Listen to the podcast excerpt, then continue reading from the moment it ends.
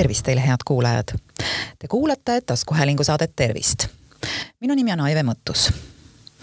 tänase saate teema olen taas valinud ajakirjast Tervis pluss ja minu käes siin stuudios on ajakirja juulinumber ning loen teile sellest ette loo, mis kannab pealkirja Millest ehitada tugev luustik. artikli autoriks on ajakirjanik Eveli Mako tugeva karkassita vajub ehitis kokku. sama juhtub sinuga, kui oled oma luude eest hoolitsemise unarusse jätnud. osteoporoos ehk luu hõrenemine hiilib ligi vaikselt ja avastatakse sageli alles pärast luumurdu, mis võib põhjustada palju valu ja vaevusi kõige salakavalamad on muide lülisambamurrud, mis ei pruugi valu põhjustada, kuid paistavad väliselt silma. inimene muutub lühemaks ja vajub küüru luukude uueneb pidevalt nagu teisedki koed meie kehas. seetõttu peab jälgima, et organismis oleks piisavalt ehitusmaterjali, mis aitab luudel tugevate ja tervetena püsida. selleks on oluline juba lapseeast saadik tervislikult ja mitmekülgselt toituda tähtis on saada toidust kätte kõik vajalik, et sellest niinimetatud vundament ehitada, tõdeb toitumisterapeut Triin Terasmaa kui vundamendis on pikka aega augud sees, hakkab maja tasapisi kokku vajuma. Terasmaa sõnul peab toit olema funktsionaalne. see tähendab, et iga amps, mille suhu pistad, võiks aidata organismil funktsioneerida kui pikki aastaid on menüüs ülekaalus ebatervislik toit, soodustab see erinevate haiguste väljakujunemist, sealhulgas luude hõrenemist toituda on vaja iga päev nii, et organism saaks vajalikku materjali tervena püsimiseks. tervislik ja tasakaalustatud toitumine hõlmab kõiki toiduainete rühmi. teraviljatooteid, puu- ja köögivilju, piima ja piimatooteid, liha ja muna, aga ka pähkleid ja seemneid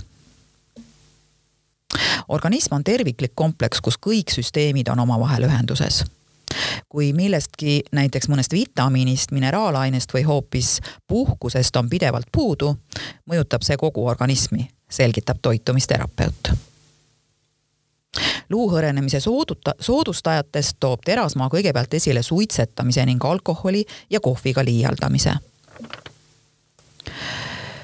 Need takistavad mineraalainete omastamist ta soovitab suitsetamisest loobuda ja tarvitada alkoholi ning kohvi mõõdukalt. näiteks kõige rohkem paar korda nädalas toidu kõrvale klaas veini ja korra päevas tass kohvi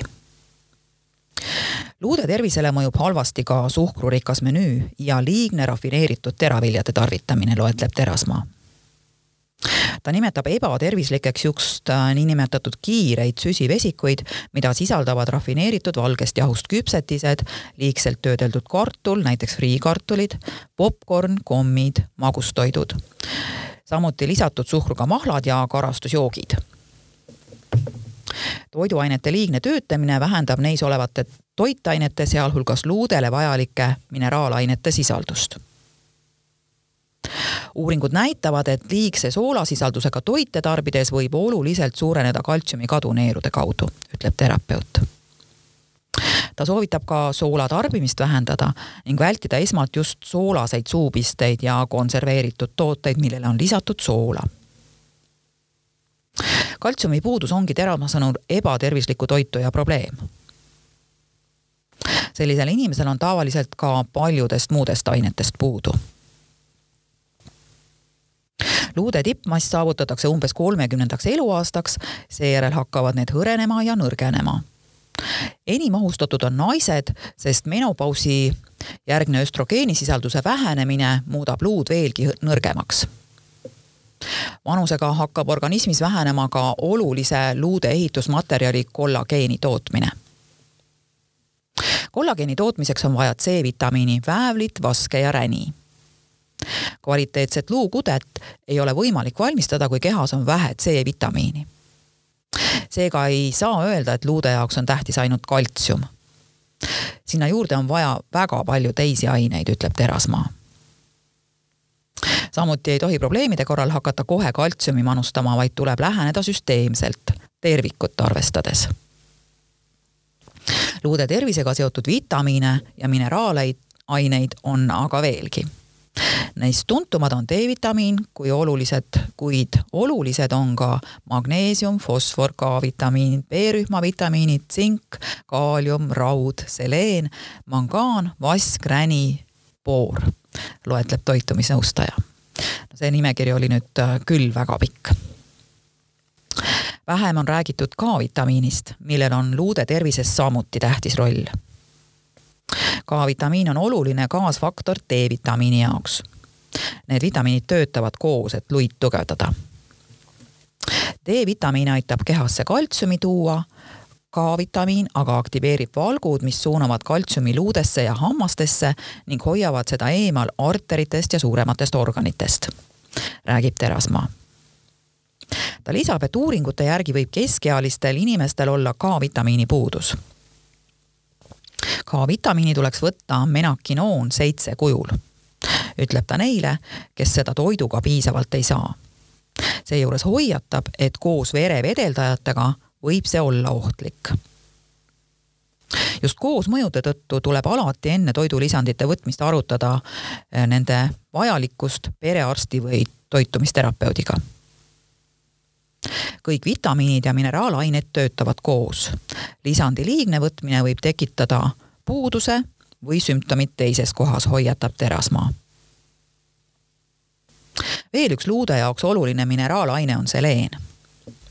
uuringutes on esile toodud, et seleeni puuduse korral tekivad probleemid liigestega, märgib Terasmaa tema sõnul põhjustab seleeni vaegus reumatoidartriiti ja liigeste kulumist ka väga noortel inimestel, isegi lastel see, kui palju on toidus seleeni, sõltub otseselt sellest, kui palju on seleeni mullas.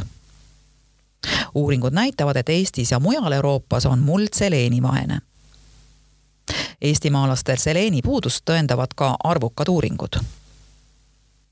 viimati uuriti Eesti elanike vere seleenisisaldust aastatel kaks tuhat kuus kuni kaks tuhat kaheksa keskmine seleeni sisaldus oli siis kuuskümmend kolm mikrogrammi liitri kohta, mis on pikaajalise defitsiidi tunnus, tõdeb Terasmaa uuringud näitavad ka, et mandlite ja pähklite seleeni sisaldus on väga erinev.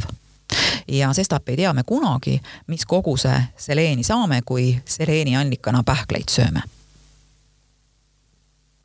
peale toitumise on tugevate luude jaoks äärmiselt oluline regulaarne kehaline aktiivsus jõuharjutused suurendavad luutihedust, pidurdavad luude hõrenemist ja ennetavad osteoporoosi.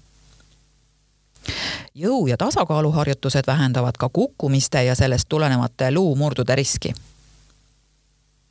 maailma Terviseorganisatsioon soovitab lihastreeningut vähemalt kaks korda nädalas nii et naised, ärge peljake jõusaali, minge julgelt ja treenige oma luustiku heaks käimine ja aktiivne liikumine mõjuvad hästi lülisambale ja reieluukaela luutihedusele. Luudele on kasulik ka mõõdukas põrutus, näiteks hüpates ja joostes, kuid siin peab olema ettevaatlik. juba nõrkade luude ja osteoporoosiga tuleb põrutusi vältida uuringud näitavad, et liikumine on väga oluline luude tugevana hoidmiseks, kinnitab Terasmaa aktiivsetel inimestel on luudes piisavalt kaltsiumi, samal ajal kui istuvad inimesed kaotavad seda. Ta toob luu hõrenemise riskitegurina esile ka depressiooni ja kroonilise stressiseisundi. tugevatele ja tervetele luudele pannakse alus juba lapseeas. sel ajal loodud baasist oleneb luude tervis täiskasvanuna kui lapse keha on saanud täisväärtuslikku toitu ja maksimaalselt areneda, tagab see talle parema tervise täiskasvanuna. luustik areneb välja juba kasvueas. Ja see tähendab ka hambaid, millega peame elama terve elu. lapse ja vaegtoitumus annab täiskasvanuna tunda kehva tervise, sealhulgas kehva luustiku kujul head kuulajad, see oli siis artikkel ajakirja Tervis pluss juulinumbrist ja kandis pealkirja Millest ehitada tugev luustik. artikli autoriks on ajakirjanik Eveli Makko. Head kuulajad, te kuulasite taskuhäälingu saadet Tervist saate leiate Delfi podcastide pesast tasku, nutirakenduste Spotify, Apple Podcasts, SoundCloud ja teised.